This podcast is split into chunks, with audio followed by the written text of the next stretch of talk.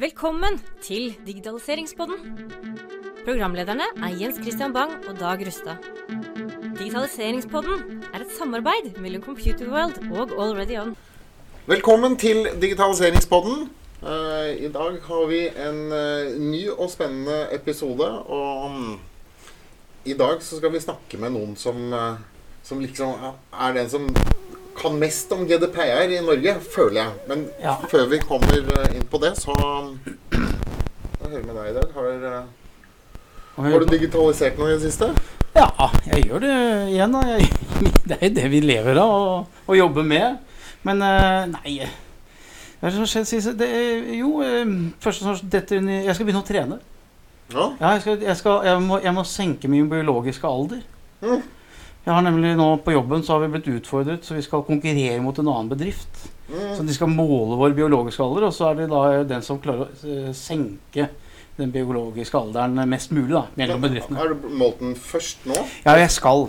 Å ja, så du skal måle den nå, Så jeg har, så jeg, jeg, jeg har ikke noe svar til deg på hvor gammel jeg biologisk er. Eh, Det har jeg ikke ennå.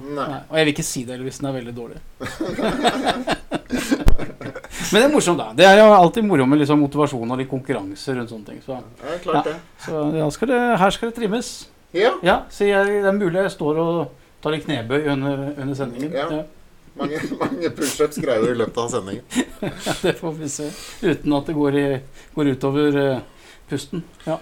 Men vi skal innom uh, Eller komme over til uh, dagens gjest. ja, dette blir spennende. Dette blir spennende. Dette her er på en måte jeg holdt på å si kretsmesteren i, i GDPR. Eller Ja. norgesmesteren. Da har vel de fleste allerede gjettet seg til hvem som er dagens gjest. Og det er Bjørn Erik Thon, som er leder av Datatilsynet. Velkommen. Takk. Eh, du er opprinnelig fra Askim. Ja. Men eh, det er en stund siden du har bodd der.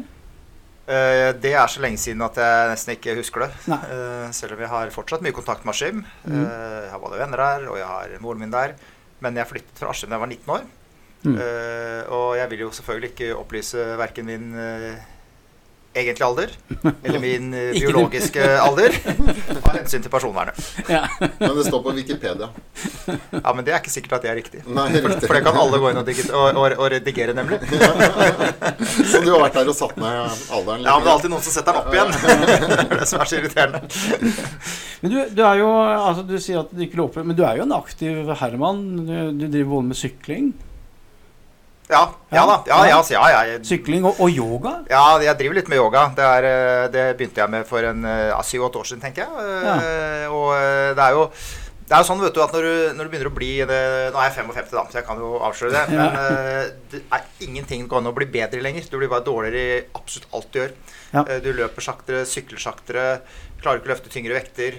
Men på yoga, hvis du begynner på et veldig veldig dårlig på utgangspunkt, så kan du faktisk bli bedre. Og det opplever jeg stadig. Så for meg så er det veldig morsomt å ha én ting som jeg fra et veldig dårlig startpunkt fortsatt kan bli litt grann bedre. Og det tror jeg liksom aldri helt slutter. Så det er Yoga kan gi mestringsfølelse. det kan gi mestringsfølelse, og så Ja, gir det både. Er det sunt for kroppen, og så er det sunt for hodet.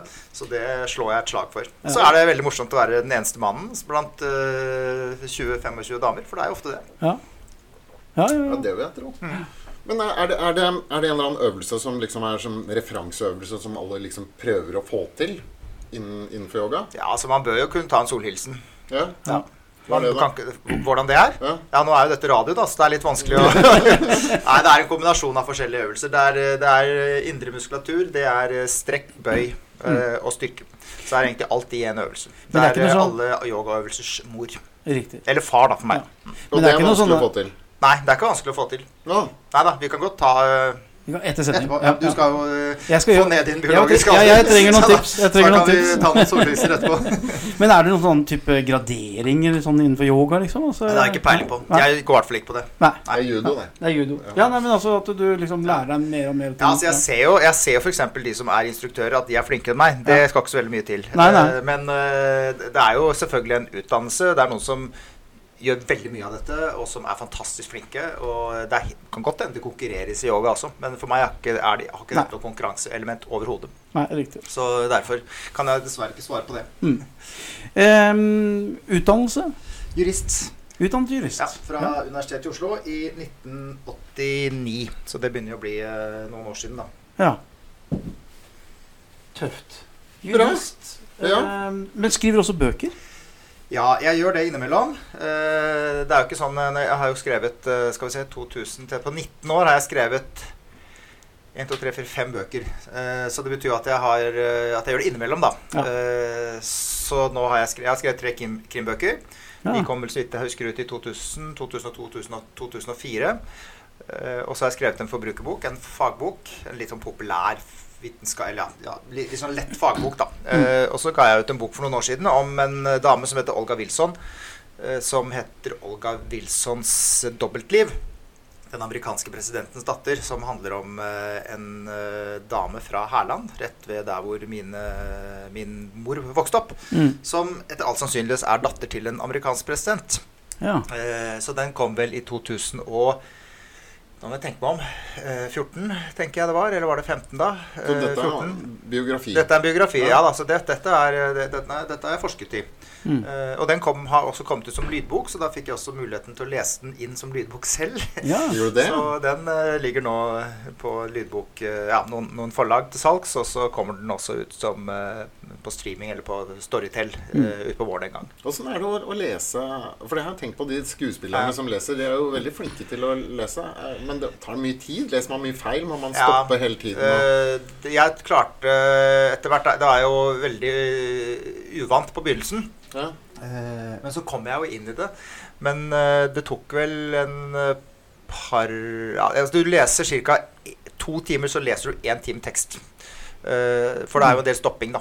Men eh, det kommer an på hvis jeg fikk lest teksten veldig godt på forhånd, sånn at jeg var veldig godt forberedt, da gikk det bedre. Mm. Og så gikk det litt bedre etter hvert òg. Men jeg tror det er sånn omtrent, forsto jeg, på Jeg lå litt under eh, snittet på begynnelsen, og så kom jeg omtrent på snittet etter hvert. Eh, Og det er på 50 da? ja, sånn cirka. Så, men det er jo stor forskjell å lese Nå tror jeg også disse krimbøkene kommer til å komme som lydbøker etter hvert. eh, Men eh, de leser jeg ikke selv, for det krever helt andre ting enn å kunne lese en biografi. Mm. For da må du legge på stemmer, og, og da må du være skuespiller. Ja. De gangene jeg la på stemmer, for det er jo litt dialog i denne boka mi, og det høres sikkert kjemperart ut. I hvert fall føler man det selv.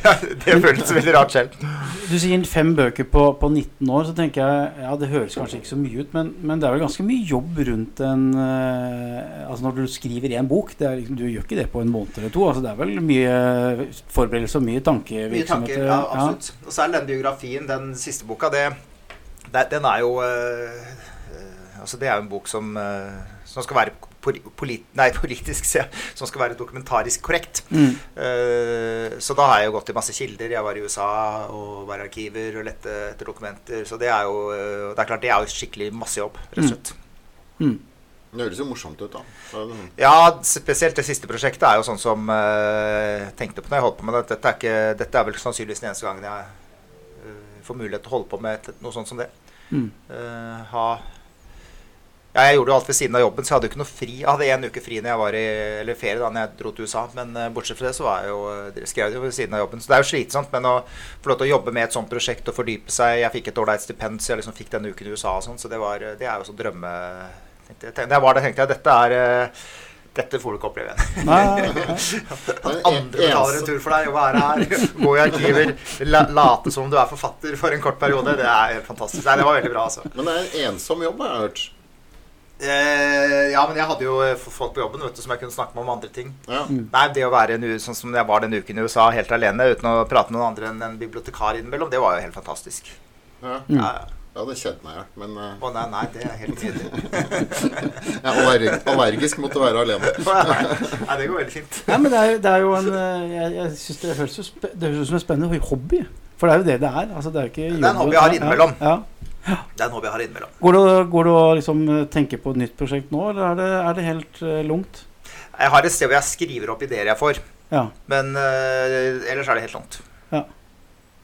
Så vi vente en par, par år til før vi får noe nytt. Eh, kanskje, eller kanskje aldri. Kanskje aldri. Ja, det får vi se. Det er ikke noe, og, og hvis det ikke blir aldri, så er det helt uproblematisk. Du var jo forbrukerombud fra eh, 2000 til eh, sommeren 2010. Det begynner å bli ni år siden. Ja, det Eh, og der eh, var det en spennende sak som er, var litt innenfor IT. Og det var denne saken mot, eh, mot Apple som Ja. du satte i gang. Ja. Kan du fortelle litt om den? Ja, skal vi se, hvor skal vi begynne da? Det er mange år siden dette, her, så jeg husker nesten ikke hva den gjaldt engang. Nei, det var jo sånn den gangen at uh, iTunes Music Store var jo den uh, dominerende. uh, det, altså det var ikke strømming den gangen. Så du måtte kjøpe enkeltsanger på, eh, eller album da, på, eh, på iTunes Music Store. Og de hadde vel en markedsandel på 90% eller noe sånt, og de var egentlig monopolister. Og så hadde de stilt som et vilkår at uh, for å spille av musikk på iTunes Music Store, som da var eid av Apple, så måtte du bruke Apple-produkter. Så du måtte bruke da eh, Det fantes jo ikke iPhone den gangen. Det kom vel kanskje iPhone helt på slutten, men uh, du måtte bruke iPod. Pod. het Pod, ja. Mm. iPod. Ja, det fins jo iPod fortsatt. Det så Ja, ja, eh, så det var en veldig sterk eh, binding. Ikke sant? Eh, Du kunne ikke bruke den musikken du hadde kjøpt, for det kostet vel ca. 1 dollar tror jeg, for en, for en sang. Mm. Den måtte du bruke på bare Apples produkter. Og det mente vi var urimelig. I tillegg så hadde de mye rare kontraktsvilkår. Blant annet så mm, kunne vi endre ensidig vilkårene med tilbakevirkende kraft. Så det var en del sånne ting som det. Så vi tok opp den saken. Eh, jeg kan tenke meg det var sånn i 2005-2006 eller noe sånt. Jeg husker ikke helt disse årstallene. Eh, og det ble jo en, en kjempesak. Altså virkelig en enormt svær sak. Som eh, tok eh, Ja, vi hadde vel flere årsverk som jobbet med den i, i flere år. Men den endte da til slutt med at Apple eh, fjernet denne kopisperren, da, som det het, så at du kunne spille musikk du hadde kjøpt på iTunes, på uh, andre avspillere. Ja. Uh, og det var jo en virkelig uh, en kjempesak. Altså Den vakte stor oppmerksomhet langt utenfor Norges grenser. og betydde den gangen veldig mye. Og jeg husker jeg satt, jeg satt Det hadde gått rykter om at Apple på en av disse e- eventene skulle lansere at du skulle hatt fjernet kopisperren. Så satt jeg opp og Det var sent på kvelden pga. noe tidsforskjell og sånt. Jeg husker ikke akkurat hvordan dette Men det var sent på kvelden, og så satt jeg fra Men så skjedde det et eller annet, så du, de måtte ta ut Altså, det de var ikke livesending. Eh, så du måtte bare Jeg fikk, hva heter det sånn uh, Transkribert. Ja. Og akkurat Og så har vi en annen nyhet til. Og så måtte jeg vente. og det, så neste melding var at i natt så fjerner vi kopisperren på 8 millioner låter. Mm. Eh, Det var i 2009. det tror jeg det kan ha vært i 2009, ja, og da, da husker jeg jeg ble veldig veldig glad. og så satte jeg meg ned og så skrev jeg en pressemelding alene den kvelden. Og så sendte jeg den til en nyhetskanal, og dagen etter så ble det mye oppmerksomhet. Men du må jo være litt Altså, det, det å gå ut mot Apple Ja. som en, som en mann i Norge det, det, det føles jo ut som et sånn håpløst prosjekt. Det må være ganske tøff uh, Ja, vi hadde jo, vi hadde jo, vi hadde jo alliansepartnere eh, som skiftet litt, riktignok, for det var jo noen som trakk seg ut etter hvert. Men vi hadde et godt nordisk samarbeid. Vi hadde med Tyskland. Eh, I siste fase så mobiliserte vi hele forbruker... eh, altså alle forbrukerorganisasjonene.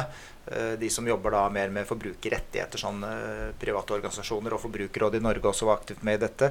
Så vi, vi, vi hadde god backing, altså. Eh, og vi hadde jo satt opp et team med mediefolk, med flinke jurister, med ledelse, sånn som jeg holdt jo veldig dette sjøl. Så vi hadde en veldig god plan bak det, eh, og en veldig sånn, klar strategi på hvordan vi skulle få det til. Da. Og så følte vi vel at nedsiden egentlig var veldig liten. Altså det er eh, det å gå på et eh, Vi mente jo virkelig at dette var en viktig sak. Og eh, det å gå på et eh, nederlag hvis vi skulle tapt den saken, eh, det hadde vi tålt. Ja, det hadde ikke kostet noe. Eller er det noen sak som koster Ja, hvis vi, hadde, hvis vi, vi hadde jo sagt at vi skulle gå til Markedsrådet, så var det den domstolen som hadde avgjort dette, dette spørsmålet. Så vi hadde varslet at vi kom til å gå dit med saken før eh, Apple da ga seg. Eh, og hvis vi hadde tapt den saken i Markedsrådet, og de skulle krevd saksomkostninger av oss, så øh, hadde nok det blitt ganske dyrt. Men Ja. det er klart, det, hadde jo, det, er jo, det er jo en del av stats, staten, så de hadde, hadde jo fått dekket det, så klart. Men det hadde blitt en, en kostbar affære. Men jøye meg, det er jo vi kan ikke ta hensyn til sånne ting. Da vil jo de store selskapene alltid vinne, hvis vi Mm. må, skal være redd for det. Så det, det kunne vi jo ikke ta hensyn til. Ja, jeg tror det er viktig at det, at, at det er noen som henger på hele tiden. For ellers så gjør jo de store selskapene som de vil. De leverer jo fantastiske tjenester, det er ikke det. Men uh, De gjør det. de tar De seg jo til rette i, De i den grad de får lov. Mm. Er jo som barn. Ja. Ja, så er det som vi har snakket om mange ganger, da, dette med forskjellen mellom de forskjellige eh, avdelingen i verden, hvis man kan si. At USA så har man litt andre corporate eh, regler enn man har i Europa. Mm. Eh, og når man har et typisk amerikansk selskap, så, så, så vil de jo ikke bøye av for, for europeiske regler hvis de ikke må. Nei da. og Det var, eh, vi hadde noen møter som var ganske altså de, har, de var oppe i sånn var det 13-14 stykker. De kom liksom fra Luxembourg, fra USA. Så dette var en sak som vi tok ekstremt alvorlig. Altså. Ja. Så vi måtte, da, må vi, da måtte vi være skjerpa. Mm. Ja, Kunne ikke komme dårlig forberedt da. Over til eh, Datatilsynet. Det, ble jo opprettet 1.1.1980. Mm. Og har hatt tre ledere. Han, eh, jeg hilste på han, eh, din forgjenger, Apenes. Mm. Og han tok det over etter eh, eh, 2010. Ja. Eh, fortell litt om, eh, om hvordan du kom deg inn i eh, Datatilsynet. Ble du headhuntet? Eh, nei, eh, det gjorde jeg ikke. jeg, jeg søkte jobben og fikk den. Det er vel ikke noe så mye mer å si om det. Eh, jeg hadde jo vært i Forbrukerombudet i ti år og hadde et åremål som begynte å gå ut. Jeg har jo, det er jo åremål på to ganger seks år i den jobben. Samme som det er i den jobben jeg har nå. Så, eh, så jeg begynte å se etter en ny jobb, og så fant jeg vel ut at dette var noe jeg hadde lyst på. Og så søkte jeg den og fikk den. Så det er vel ikke så mye mer å si enn det, tror jeg. Nei. Men der har du vært da siden 2010? Ja. ja. Ni år. ni år. Ja. litt over ni år. Og det skjer jo stadig mye endringer i samfunnet og globalt, og den siste tiden så har det skjedd veldig mye. Ja, det har vært en ganske enorm utvikling. Eh, Det er klart, eh, Jeg har jo følt helt siden 2010 at det har vært stor interesse og oppmerksomhet om personvern. Eh, Mm. Men det har endret seg betydelig nå, spesielt etter at dette med den fine forkortelsen GDPR, eller Ja. personvernforordningen, da, som i hvert fall jeg forsøker å kalle det, selv om jeg synder litt på det. Men det er fint å prøve å bruke norske ord. Mm. Men, eh, men vi kan godt bruke GDPR for, for enkelhets skyld, for det er mange som vet, i hvert fall som hører på denne podden, som, eh, som, eh, som vet hva det er. Og det, det var jo en, en Endret jo mye av spillet på mange måter, altså. Men så ser vi også at det voks, har vokst fram en enorm makt i de store amerikanske selskapene, som er annerledes enn i 2010. Eh, Det var jo fortsatt sånn at Google og Facebook og eh, ja, Amazon var store selskaper da, men de var jo, har, en makt som er helt annerledes eh, i dag. Og så ser vi at det vokser fram en gigant i Øst-Kina som begynner å Eller ikke begynner å få, som har tjenester som er eh, helt uh, utrolig omfattende. Som er eh, forsikringsselskap, bank, uh, transportselskap, inkassoselskap, uh, sosiale nettsamfunn, handelsplattform i ett. Mm. Så da samler du egentlig Google og Facebook og Amazon på én svær plattform. Og noen av de selskapene er jo nå også rangert. Det er vel sånn, så vidt jeg husker For ti år siden så var det vel så å si bare energi som var blant de ti mektigste, største selskapene i verden. Nå Mm. er det, Med unntak av Microsoft. Nå er det bare teknologi, og tre av de er kinesiske. Så det har også skjedd som Det er kanskje ikke så mange som er klar over akkurat den fremveksten som vi ser fra Kina. Men jeg tror alle som har uh, tenåringsbarn hjemme Nå har ikke jeg det lenger, for jeg har uh, store barn. Men uh, jeg har en sønn som fortsatt bor hjemme, og det kommer jo eh, i hvert fall kom for litt siden eh, små pakker fra Kina i et evig bankende kjør. Og det tror jeg mange eh, opplever. At det er Ja. bare altså, ungdom kjøper masse ting fra Kina. Og eh, vi, du kan bruke nå kan bruke med disse uh, Alipay-kort. Uh, betale i butikker i Oslo. Uh, og eh, de uh, kinesiske selskapene, de kommer. Men er, er det Alibaba som er en del av den konstellasjonen? Med de- Ja, det, jeg, nå kan ikke jeg Det er et, et selskap som heter Alibaba, og så er det et som heter Baidu, og det er Mm. Vi har skrevet en rapport om dette for noen år siden, så det var vel tre selskaper som vi da spesielt pekte på. Men nå har ikke jeg fulgt Kina så nøye de siste årene som det har skjedd noen endringer der. Det kan godt hende. Men Alibaba er jo en av de som man gjerne liksom Som er mest på tungen eh, hos folk? Ja, og som nok antageligvis er den eh, Jeg tror nok det er der mange kjøper tingene sine fra også. Ja. Uh, har jeg inntrykk av, i hvert fall. Uten at jeg er Stor ikke noen handelsplattform, sånn ekspert blitt. på dette, men uh, Jeg handler masse på Alibaba. du gjør det, ja. ja. Så du får også disse morsomme pakkene, da. Men du har Alibaba, så der kjøper du store forpakninger. Så der Ja. står det kanskje minus med ti stykk eller Ja, 100 stykk. ja. Men så har du noe som heter AliExpress, som Ja. ligner litt mer på, på eBay. ja, nettopp. Og, og der kan du handle Ja. Du finner gjerne de samme produktene også på eBay som på, Ja. på AliExpress. Ja, ja. Så, og så er det som regel gratis frakt. Mm. Noe igjen som Posten ikke er så glad i, for da må de sponse Ja, ja, ja. det som vi får. Men dette gir jo nok klart noen store utfordringer når det gjelder personvern. Eh, Det gjør det, og, og ehm, det er jo sånn at eh, man, det, er jo sånn at vi har, får et, har et nytt regelverk i Europa, som vi snakket om GDPR. Mm. eh, Som, som jo er et nytt regelverk i Europa. Eh, Så vi har jo ikke sett helt hva slags endringer det kommer til å føre til ennå. Mm. Eh, Men vi tror at det etter hvert kommer til å føre til endringer. At du får mye bedre kontrakter enn det du har i dag. Mye klarere informasjon enn det du har i dag. Det har vært ryddet enormt i mange norske selskaper i de siste årene. Virkelig helt enormt. Eh, Og, og europeiske selskaper og internasjonale selskaper vil jeg også si. For det er klart det er ikke Altså Google og Facebook og de andre selskapene har også for, forholder seg også til GDPR i aller høyeste grad. Eh, jeg vet ikke hvor mange saker som har blitt brakt inn for det. Det er jo det irske datatilsynet som behandler sakene mot disse selskapene. Eh, og det er fordi at de er, har sitt europeiske hovedkontor i Dublin. Mm. Eh, så Ja. der har de mye å gjøre. Da vil jeg anta at de har en del ansatte der også. Ja, De har vokst noe helt enormt. Jeg husker ikke hvor mye eh, Altså jeg husker ikke hvor mange det er, men de, er, eh, de har gått fra å være mindre til å være mye mye større. Så de er, eh, de er et stort datatilsyn nå. De har alle disse sakene som blir sendt over dit. Så det er mange saker til behandling mot, eh, mot de store amerikanske selskapene. Riktig. Men, men hvis man ser da på, på Datatilsynet i Norge, så har, har dere vokst de siste årene her, eller har det vært ganske stabilt? Nei, vi har vokst. Eh, vi har vel eh, jeg, jeg mener når jeg begynte i 2010, så tror jeg vi var 38 eller 39. Nå er vi litt over 52-53, vel. Mm. Eh, kanskje 54, tror jeg kanskje. Eh, og så fikk vi en bra påplussing på budsjettet nå. Så eh, vi fikk vel da 7,8 millioner pluss. Eh, og for oss er det, det er en veldig bra påplussing. Det var vel det sto i hvert fall i budsjettet at det var 15% og jeg har ikke, har ikke etterprøvd det regnestykket. Eh, og eh, det betyr at vi kan ansette flere folk også, i tillegg til at eh, pengene skal gå litt til, det, ja, til teknologiske investeringer også. Men jeg regner med at vi kanskje ender opp med å bli sånn rundt 60 da, sånn utpå nyåret en gang.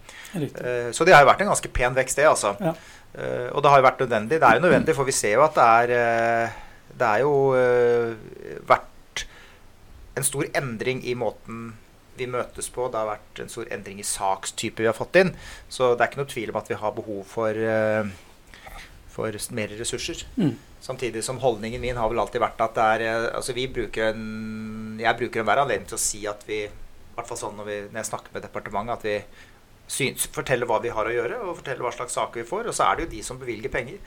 Uh, og jeg pleier vel å si det sånn, jo mer penger til Datatilsynet, jo mer personvern får du. Mm. Eh, og eh, det er et politisk spørsmål hva man, hvordan man ønsker, å satse på dette. Så vil enhver etatsleder uh, i Norge vil si at sitt område er viktigst, og sitt område skal ha vekst. Og det sier selvfølgelig jeg også. Men samtidig så har jeg det forhold til det at jeg, vi, vi, gjør, vi prøver å gjøre en best mulig jobb for de pengene vi har, uansett hvor mye penger vi har. Nei, jeg så på, mm, på Wikipedia at avdelingen hos dere det er juridisk, tilsyn og sikkerhet, informasjon og administrasjon. Det har jo sikkert alle. Men hva gjør de tre eh, avdelingene? Det sier seg jo litt selv, men eh, Ja, nå, nå, nå er det nok sånn at den eh, Wikipedia-artikkelen Jeg vet ikke hvem som redigerer den, men den, må, den, må nok, den er nok litt gammel. det er informasjonsavdelingen. Ja, ja, det er det sikkert. ja, det, jeg vet ikke om man får lov til å skrive sine egne artikler. Ja, men det gjør kanskje det. Nei, men altså, vi har nettopp gjort en, en organisering mm. nå. Er mulig at, uh, at det er riktig det som står der, altså. Men, uh, men vi har en juridisk avdeling Mm. uh, som består av tre enheter. Det er da en som jobber med privat sektor, en som offentlig sektor, og en som jobber med internasjonale spørsmål. Er internasjonal saksbehandling og internasjonal representasjon, da. Selv om alle, det er flere som gjør det, for så vidt. Og det er jo der mye av saksbehandlingen vår skjer. Vi får jo inn mange, mange, mange hundre saker hvert eneste år. Og det er den største avdelingen. det er den største avdelingen i Hoder. Ja. Mm. Eh, og eh, der eh, får vi inn Vi får inn Vi får vel inn i år Ja, Vi regner med at vi kanskje får inn så mye som 2000 meldinger om avvik fra ulike virksomheter. En av de nye tingene i forordningen, eller ikke det nye det har vært i Norge før, men en av de tingene som har blitt skjerpet inn, da, det er at man skal melde inn eh, avvik hvis noe går galt i en virksomhet. Data kommer på avveie, f.eks. Ja. Eller at man har en sikkerhetsbrist, så skal man melde til Datatilsynet. Eh, og i 2015 så hadde vi 84 saker. Eh, I år kom vi opp i over 2000. Mm. Og da, Det sier noe om endring av saksmengden. Men det betyr det at, eh, som du sier, at hvis et selskap opplever at de selv har gjort en, begått en feil, så Ja. skal de melde fra. Ja. Og så har du også de som, som melder fra ting de ser andre steder. Ja.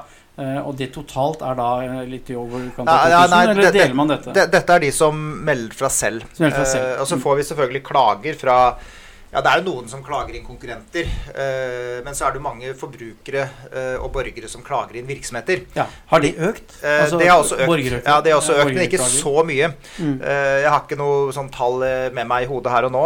Eh, rett og men slett fordi jeg husker det, men vi ser det, og vi ser særlig det vi kaller litt, ja, litt mer forbrukerrelaterte saker. da. Mm. Ønske om å slette data, eh, ønske om å få innsyn i data, eh, den type ting. Så vi ser at det er en større interesse rundt det også fra eh, folk flest. Mm. Så, eh, så det er liksom den avdelingen, og så har vi denne, som du sier, det, som heter da Må jeg bare spørre før du går ja, til ja, neste ja, De som melder inn saker selv, ja. Blir de tiltalt etterpå da? Eller er det på en måte litt sånn eh, at du er litt sånn Grace eh, Nei, altså det er jo litt grace, kan du si. Men det, det er noen av de alvorlige sakene vi har tatt opp nå, som har resultert også i overtredelsesgebyrer. Det er jo folk som har meldt, eller virksomheter som har meldt inn selv. mm. Eh, og eh, det er eh, Så det er ikke eh, det er ikke så, Men du, du får som regel en eh, Jeg holdt på å si Jeg vet ikke om jeg skal kalle det en liten rabatt, ja, men du, det, er, bedre å, å melde fra selv enn at du blir eh, eh, At du ikke melder fra selv. Er sånn, Eh, og vi ser nok at flere av de sakene som vi har fått inn, det har vel også endt med at noen har, noen har varslet at her har det gått galt. Altså de ser at disse opplysningene som dere har om meg, de er ikke riktig behandlet. Og så melder de fra. Eh, men det som er viktig, syns vi, er jo at du har systemer internt som avdekker at man gjør feil. Eh, så det at det kommer mange avvik Vi har f.eks. fått mange avvik fra finanssektoren. Eh, det er vel de vi har fått flest avvik fra.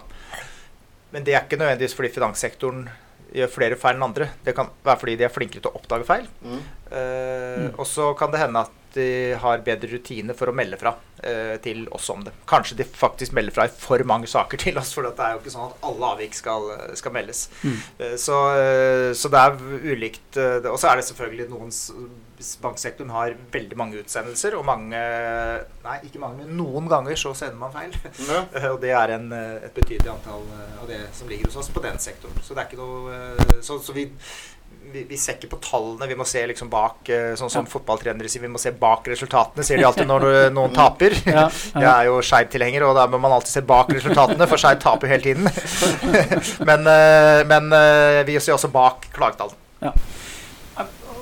Og hvis man da melder fra en feil, så er det jo ikke sikkert forskjellige måter å gjøre det på. Noen kan jo melde fra at de har, gjort en, at de har Mm. oppdaget en feil, men de har også da forklart hvordan de Mm, har mm, løst det, og at eh, saken er på en måte å anse som avsluttet. Mm, Eh, det er vel da forskjellige graderinger av alvorlighetsgrad her, vil jeg tro, i forhold til hva dere følger opp, kanskje? Eller? Ja, det blir jo en helhetsvurdering. Altså vi, det er jo mange av de sakene som kommer inn, som vi ikke gjør noe med. Mm. Uh, altså Vi ser på alle, vi vurderer alle, men så er det de, aller, ja, de fleste de er jo såpass ja, hva skal vi si, lite alvorlig at vi sender tilbake et brev og sier ikke ja, Litt sånn folkelig sagt ikke gjør dette igjen. Mm. Mm. Dette var dumt. Mm. Nei da, vi formulerer det ordentlig og sier at uh, dette, vi har notert det, men uh, spesielt hvis man har iverksatt tiltak, man har endret uh, rutiner, man har tettet sikkerhetshullet, så er det ikke så veldig mye mer å gjøre. Så det er de alvorlige sakene vi tar til, til behandling, og som vi gjør noe med. Mm. Uh, og heldigvis så er det jo sånn at de fleste sakene de er ikke så alvorlige at vi trenger å gjøre det. Og så er jo ikke avviks... Altså det som man har bygd opp i regelverket om at man skal melde avvik, det er jo ikke noe man gjør fordi uh, man nødvendigvis skal liksom ta noen for det. Selv om noen er så alvorlige at vi må begynne å behandle det. Men det er for at virksomhetene skal lære sjøl. Mm. og vi har jo det samme in internt hos oss. Vi har jo også avvikshåndtering internt hos oss. Altså vi har jo uh, vi har jo eh, gjennomgang eh, jevnlig eh, av eh, feil som vi eh, gjør internt, for å lære av det. Eh, og det bør alle virksomheter ha, for alle virksomheter gjør feil innimellom. Ja, men det er jo hele lean-konseptet er jo det at man skal- feile, og så skal man lære noe Mm. Ja. av den feilen. Ja. Så feilen har jo en verdi, Mm. så lenge du greier å innse at feilen finnes. Så vi gjorde, kan jeg bare ett eksempel på hva vi gjorde internt hos oss. Det er ikke noe, vi hadde det var noen ganger vi, vi hadde jo autofullfør på adresse når du skriver e-post. Ja. Så skriver du da by, så får du da Bjørn Erik Thon, ikke sant. Mm. Uh, og det, det følte noen feilsendinger. Uh, fordi folk så bare bokstavene, og så trykket de autokorrekt, og så gikk det, så gikk det gærent. Så vi uh, hadde ikke noe alvorlig hendelse med det. men jeg syns ikke det er så ålreit at man sender e-post feil. Eh, Men det har alle opplevd å gjøre, og alle har opplevd å få e-poster uh, sendt feil. Jeg har fått én faktisk allerede i dag. Nå pleier jeg å si de gangene jeg får det, at hvis det er ett menneske i Norge du kan sende feil til uten at jeg sendes videre, så er det til meg, da. Så det, jeg er vant til å holde på hemmeligheter. Men, uh, men vi stengte da den muligheten til å auto eh, fullføre e-postadresser. Ja. Som ikke er sånn Det var ikke Jubelen sto ikke akkurat i taket eh, på jobben da, men eh, vi følte at det var et viktig tiltak å gjøre for å unngå feilsendinger. Eh, og så lager folk sine egne Altså vi har jo som, Så finner man måter å gjøre det på som Det var mye lettere å få folk etter noen uker til å forstå at dette er ålreit, eh, Så nå tror jeg ikke noen tenker på det lenger. Nei. Men vi var jo Jeg avbrøt deg i, Ja. når vi snakket om disse Om avdelingene. Ja, så har vi en, eh, til, en avdeling som da heter tilsyn, analyse og sikkerhet. Ja. Eh, og den avdelingen jobber da med tilsyn, analyse og sikkerhet. Mm. Vi har en Altså, vi har jo, vi har jo et, samlet en del av de som er eh, Altså teknologene og samfunnsviterne i eh, en avdeling, og de som jobber med mest strategiske spørsmål. Eh, Så de har da et overordnet ansvar for sikkerhet, de har et overordnet ansvar for tilsynsmetodikk. De har en del strategiske funksjoner rundt IKT. Så det har en del sånne jeg kaller stabsoppga stabsoppgaver. I tillegg så ligger det en seksjon inni der som heter analyse og politikk. Eh, Hvor vi har samlet tre eh, samfunnsvitere. Eh, Og grunnen til at vi har gjort det, er at vi ser vi har utrolig mye Altså 2000 avviksmeldinger hvert år. Det er en gullgruve av kunnskap. Så i den avdelingen så skal man drive intern analyse. Man skal drive ja, informasjonsarbeid, eller omsette det vi har til informasjonsmateriale, bl.a. Uh, I tillegg til at de følger med på politiske prosesser. Uh, og de kommer til å analysere samfunnsutvikling. F.eks. så er det de som jobber i den nå, eller noen av de som jobber i den nå. En av de som jobber i den nå. eh, har eh, skrevet den rapporten som vi snakket om, eh, om Kina bl.a.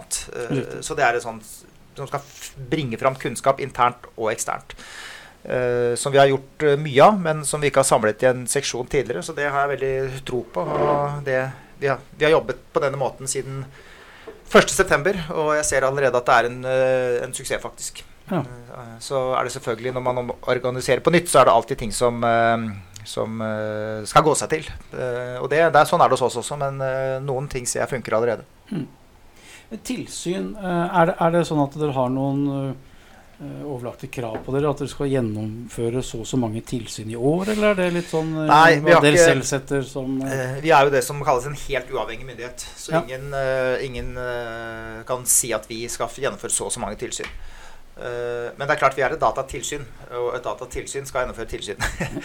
Eh, nå har det vært sånn at vi eh, har ligget ganske lavt på tilsyn eh, i noen år. eh, nettopp fordi vi fikk et nytt regelverk for et, eh, et drøyt år siden. eh, og det å drive og føre tilsyn etter et gammelt regelverk, eh, det hadde veldig lite for seg. både for oss ressursmessig, men spesielt for virksomheter som da må blitt pålagt å følge et gammelt Ja. regelverk. Eh, og så har vi brukt det siste året, så hadde vi en ja, vi gjennomførte et stort tilsyn for å se om eh, norske kommuner hadde opprettet Nei, unnskyld, norske offentlige etater hadde opprettet personvernombud. Mm. Det var det første store tilsynet vi hadde. Og det var vel eh, Ja, hvor mange var det vi sjekket? Over 100, 150 stykker eller noe sånt. Jeg husker ikke. Så det var et veldig stort tilsyn. Men ganske enkelt i sin utførelse, da. Mm. Eh, for vi sjekket rett og slett uh, hvem som hadde registrert tilsyns... Unnskyld, personvernombud hos oss uh, mot et register over de offentlige etatene vi hadde. Og så vasket vi det på et vis, sånn at vi satt igjen med de som ikke hadde sagt at de hadde et personvernombud. Fordi da skal den være registrert hos dere. Ja, det skal de det være. Du kan ikke bare ha det omtrent som sånn internkontroll Nei, du skal ha det registrert hos oss. Ja. Uh, og alle offentlige etater er pålagt å ha det. Så derfor det var veldig enkelt å kontrollere akkurat det. Hvordan så det ut? Eh, det så veldig bra ut. Gjorde det? Ja, etter noen runder så hadde vi Det var noen som jeg hadde glemt å melde fra. Det var noen som meldte fra når de fikk brev fra oss. Og, eller unnskyld, opprettet, mener jeg. Mm. Så i det store og hele så var det et veldig det var, Vi ga tommel opp, hvis vi skal gi noen symboler. Eh, Men tilsyn er jo eh, en viktig oppgave for oss, så klart. Og nå har vi akkurat eh, ferdigbehandlet. Vi har hatt et eget prosjekt internt som har jobbet fram en ny Eller vi skal jobbe fram en ny tilsynsmetodikk, for vi ser at vi er nødt til å ja, finne litt nye måter å jobbe på, rett og slett. Vi ser at konsekvensen av å bryte personopplysningsloven nå er mye større enn før, fordi bøtene, eller overtredelsesgebyrene som det sånn korrekt heter, har blitt mye større. Mm. Så vi må legge mye større vekt på ti enn tidligere dokumentasjon på alt vi gjør, dokumentasjon på hva vi får inn. Så vi må rett og slett liksom få et bedre jeg, mener vi har gjort dette bra hele veien, men vi må bli enda flinkere. Så vi har hatt et prosjekt nå, som sagt internt, som skal jobbe fra, eller har jobbet fram den første rapporten om en ny eh, tilsynsmetodikk. Hvor vi eh, nok også antageligvis kommer til å standardisere en del av, del av prosessene våre og sånn. Så eh, det, det er bra. Det må jo gå an å bruke en del AI for å avdekke eh, feil, eller hvis du ser mønstre. Altså, Ja, vi er nok ikke helt der ennå. Det er vi nok ikke. Eh, men vi har sett eh, om vi kan bruke det Eller vi har begynt å sikte litt på om vi kan bruke det når vi analyserer avviksmeldingene våre, f.eks. Ja. Uh, og også standardisere saksbehandlingen av det. Så står det f.eks. feilsending av brev. Så er det ikke sikkert at noen også trenger å se på det, for det er stort sett ikke ting vi gjør noe med. Mm. Sånn at vi, eh, vi også har sett på om vi kan bruke det. Men akkurat når det gjelder, eh, når det gjelder eh, eh, tilsyn, spesielt når vi er liksom Vi drar jo ofte på stedlig tilsyn. eh, og da er vi nok Uanmeldt? Det, det er stort sett anmeldt. Mm. Stort sett anmeldt. Da er det veldig mye dokumentasjon vi får oversendt, og vi ser på rutiner. og eh, Godt hende at vi på et eller annet tidspunkt kommer til å bruke kunstig intelligens også for å gjøre det, men Uh, det ja, Jeg tenker for å avdekke hvilke Ja. som er inter interessante områder.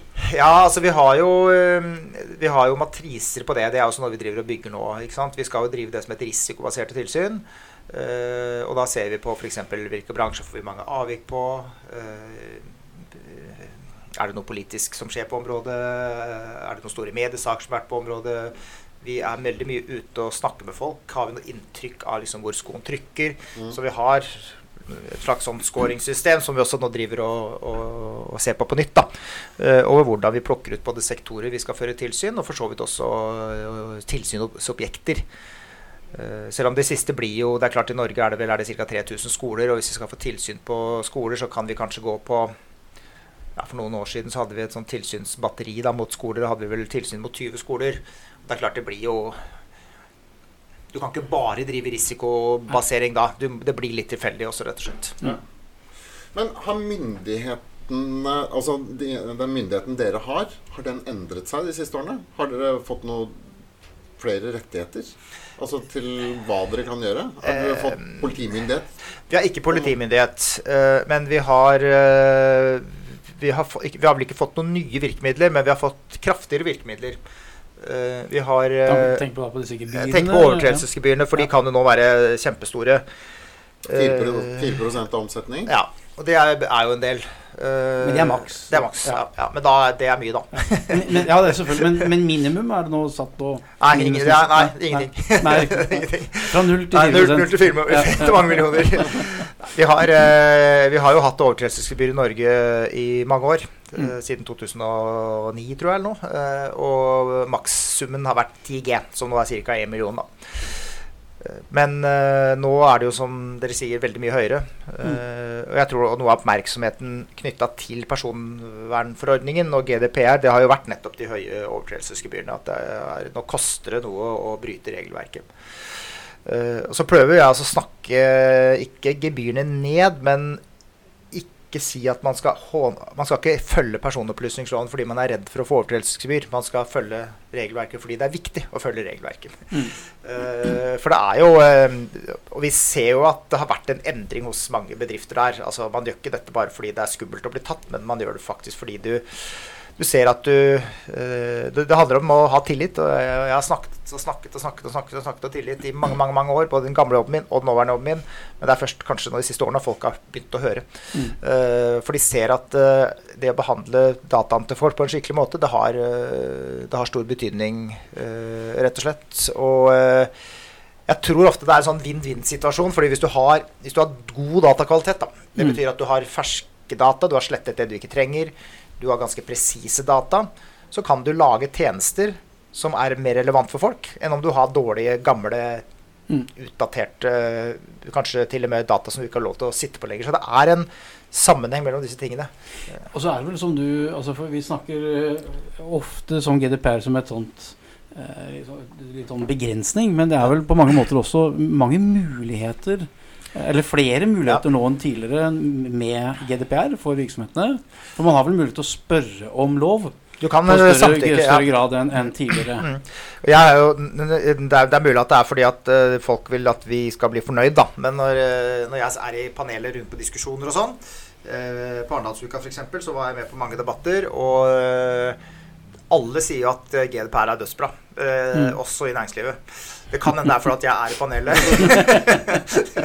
men, men det er, eh, inntrykket mitt er helt bestemt altså, at det er mange som syns at dette her er, er bra, og at det har vært en veldig nødvendig opprydding.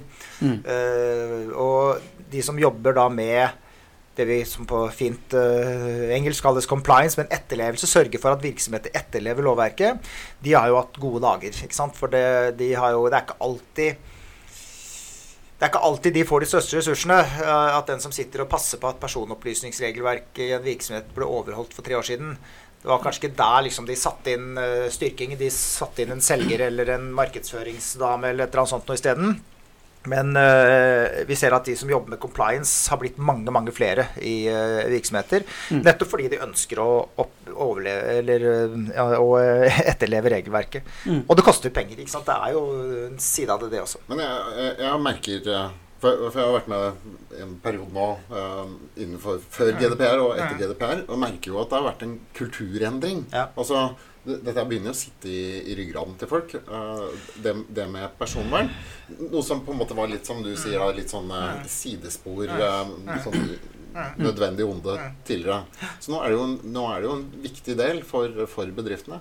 Alle vet jo hva GDPR, altså innenfor bedrift og, og virksomheter, vet jo Kjenner igjen den eh, forkortelsen. For to år siden så var det ingen som visste hva den forkortelsen betydde. Det har, det har vært en, eh, som du sier, en endring av kultur. Det, det er ikke tvil om at dette her har fått stor betydning. eh, og at det har hatt, masse å si for etterlevelsen av regelverket. Og, og man tenker annerledes på det nå. og vi er spesielt opptatt av at beslutninger om personvern treffes på et høyt nivå i virksomhetene. Eh, dette er jo ikke lenger Vi pleier litt sånn floskelaktig å si at eh, personvern har blitt flyttet ut fra datarommene og inn i styrerommene og inn på direktørens kontor. Mm. Uh, og egentlig er det veldig Det er så bra sagt at jeg skulle ønske jeg hadde funnet på sjøl. jeg har sagt det så mange ganger at jeg tror kanskje folk begynner å tro at det er jeg som har funnet det på, til og med. Men det er ikke det. altså. Men det er veldig veldig godt sagt. Uh, og det er, en god, det er et viktig kjerne der, fordi det er, det er altså hvordan man skal etterleve et regelverk. Uh, det må treffes på høyt nivå i virksomheten. Eh, det er akkurat som man må i virksomhet må sørge for at man har funksjoner som gjør at man ivaretar arbeidsmiljøet på en jobb. Mm. Eh, man må ha god kontakt med organisasjonene, man må ha arbeidsmiljøutvalg, man må ha medarbeiderundersøkelser. Alt dette her sånn må være på plass. Hvis ikke så blir det dårlig arbeidsmiljø, man får dårlig produksjon. Eh, og personvern har egentlig blitt et område, selv om det er annerledes i den forstand at det går ikke utover de ansatte. eh, I hvert fall ikke sånn direkte. Det kan gjøre det fordi at de kan miste jobben hvis man ikke gjør det ordentlig. Men, eh, eller at man taper penger da, hvis man ikke gjør det ordentlig. Eh, Men personvern har blitt noe som må, det må sitte som en del av kulturen i virksomheten. Mm.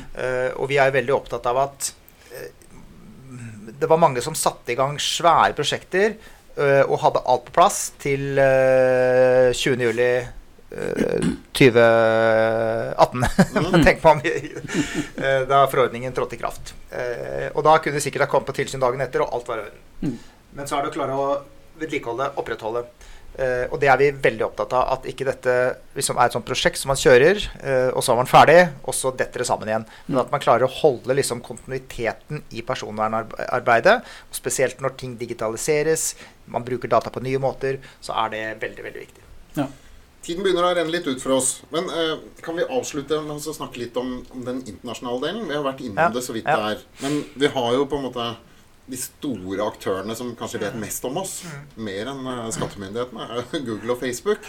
Um, hva, hva tenker dere om det? Dette er også en sånn kulturgreie. vet du, for det, det er amerikanske selskaper. De har et annet syn på, på personvern.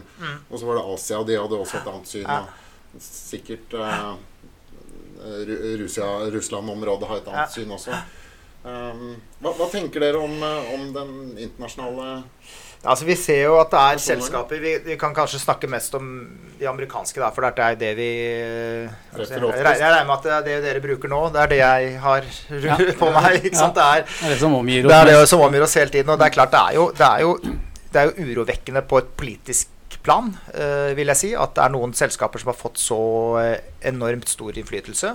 Som jeg ser også at konkurransemyndighetene begynner å interessere seg for. Eh, både Ja, vi ser jo hun som er Vel, en av de som kan bli presidentkandidat for Demokratene, Elizabeth Warren, ønsker å bryte opp de store selskapene fordi de har fått for stor makt. Tvangsoppløse Eh, ja. Facebook er vel det ja, altså det er jo snakk om også å dele det opp i ulike deler. Og de har jo kjøpt eh, opp eh, altså Hvis du ser på hva disse selskapene har utviklet sjøl, og hva de har kjøpt opp, så er det veldig mye de har kjøpt opp. Så de har fått kjempestor eh, makt. Eh, så det er jo makroperspektivet på det. Eh, og betydningen av det, eller farene med det, så vi jo eh, nå under valgkampen til Donald Trump og uh, under brexit-kampanjen. Og har vel alle mista oversikten der, men når avstemningen var, så uh, ble jo data brukt, uh, og kanskje misbrukt, til å påvirke valgresultatet. Det var et selskap som het Cambridge Analytica, som da fikk tilgang til Facebook-data, og som brukte det til å manipulere velgere. Og det tror jeg fikk opp bevisstheten til folk over at dette ikke bare er et kommersielt problem som gjør at liksom, jeg kan få en reklame som eh, er bygget på min profil, men det kan faktisk påvirke og eh, avgjøre utvalg av valg. Og da er demokratiet jeg, skal, jeg sier ikke at demokratiet er i fare nå, men det er noe veldig alvorlig med at selskaper har fått så stor makt ved å ha data at de kan faktisk påvirke valg. Og det er uh, urovekkende. Uh, vi skrev en rapport. Vi hadde lyst til å se hvordan dette sto til i Norge, hvordan de bruker data uh, i forkant av valgkampen. Eh, og vi så jo at i Norge så er det heldigvis fortsatt en veldig stor forsiktighet, stor bevissthet rundt bruk av, uh, av data på den måten som kan presse regelverket. Alle norske politiske partier skal og bør og må bruke Facebook, og de bruker Twitter. og altså De skal jo være en del av Selvfølgelig skal det få lov til det, men de må hele tiden holde seg et stykke eller godt innenfor for lovverket. da. Men det er en alvorlig, en alvorlig, en alvorlig ting med det. Uh, og så er det jo mange saker med altså Vi er jo kunder i Facebook. Uh, vi er jo kanskje produkter på en måte, fordi det er vi som uh, er Alt som er gratis. eh, Alt som er gratis. så- Det er, så det er, noe, det, er noe, det er ikke noe gratis lunsjer her ute, altså. Eh, og som vi nevnte litt grann på starten, så er det jo veldig mange saker som nå er på gang mot, eh, mot Facebook, mot Google, mot andre selskaper, som går på kontrakter, som går på hva de egentlig opplyser om? Eh, som går på hvordan de kobler data. Vi må huske på, vi, jeg er jo, altså jeg er, Hvis vi skal avslutte så er jo med noe positivt, så er jo jeg egentlig optimistisk. Eh, Jeg er optimistisk i den forstand at vi har fått et nytt regelverk. Eh, Vi ser bevisstheten rundt personvern er stor. Eh, Vi ser at mange mennesker er opptatt av personvernet sitt. Mm. Og noen setter likhetstegn mellom det å være aktivt på sosiale medier, bruke, altså være en sluke alt det digitale og det flotte som er rundt oss, og det å ikke være opptatt av personvern. Men det er jo en feilkobling. Den må vi komme bort fra. Man kan være veldig opptatt av personvern, gjøre mye for å ivareta personvernet sitt, eh, men samtidig være opptatt av digitalisering, Mm. opptatt av kunstig intelligens, alt dette. Og det er der også vi i Datatilsynet hele tiden jobber for å finne den gode balansen, da. Sånn til slutt, bare på det, på det litt sånn eh, internasjonale plan. eh, vi, får, vi snakker en del her i Norge om lagring av data i Norge, eller i EU, eller utenfor EU. Eh, ser, vi noen, eh, ser vi noen klare tendenser der? Eh, vil det være noen nye endringer i lovverket? Eh, vi, Altså vi, vi har jobbet mye med skytjenester i Datatilsynet. Uh, og vi hadde jo en stor sak for uh, ja, det er vel et par år siden mot uh, Helse Sør-Øst og lagring av eh, data i eh, Eller ikke lagring av data, men de skulle drifte del av datasystemene fra Bulgaria. De kaller det for Bulgaria-saken internt hos oss. Ja. Det er vel det han har blitt, blitt kalt, hetende også. Det ble en stor sak hvor mange aktører var inne. Eh, men i den saken så eh, ila jo vi eh, helseforetakene i Helse Sør-Øst overtredelsesgebyr på 800 000 kroner. Det var vel ni som, ni helseforetak, ni sykehus som fikk det, så vidt jeg husker. Noen så på det som Nå er Datatilsynet på jakt mot skyleverandører.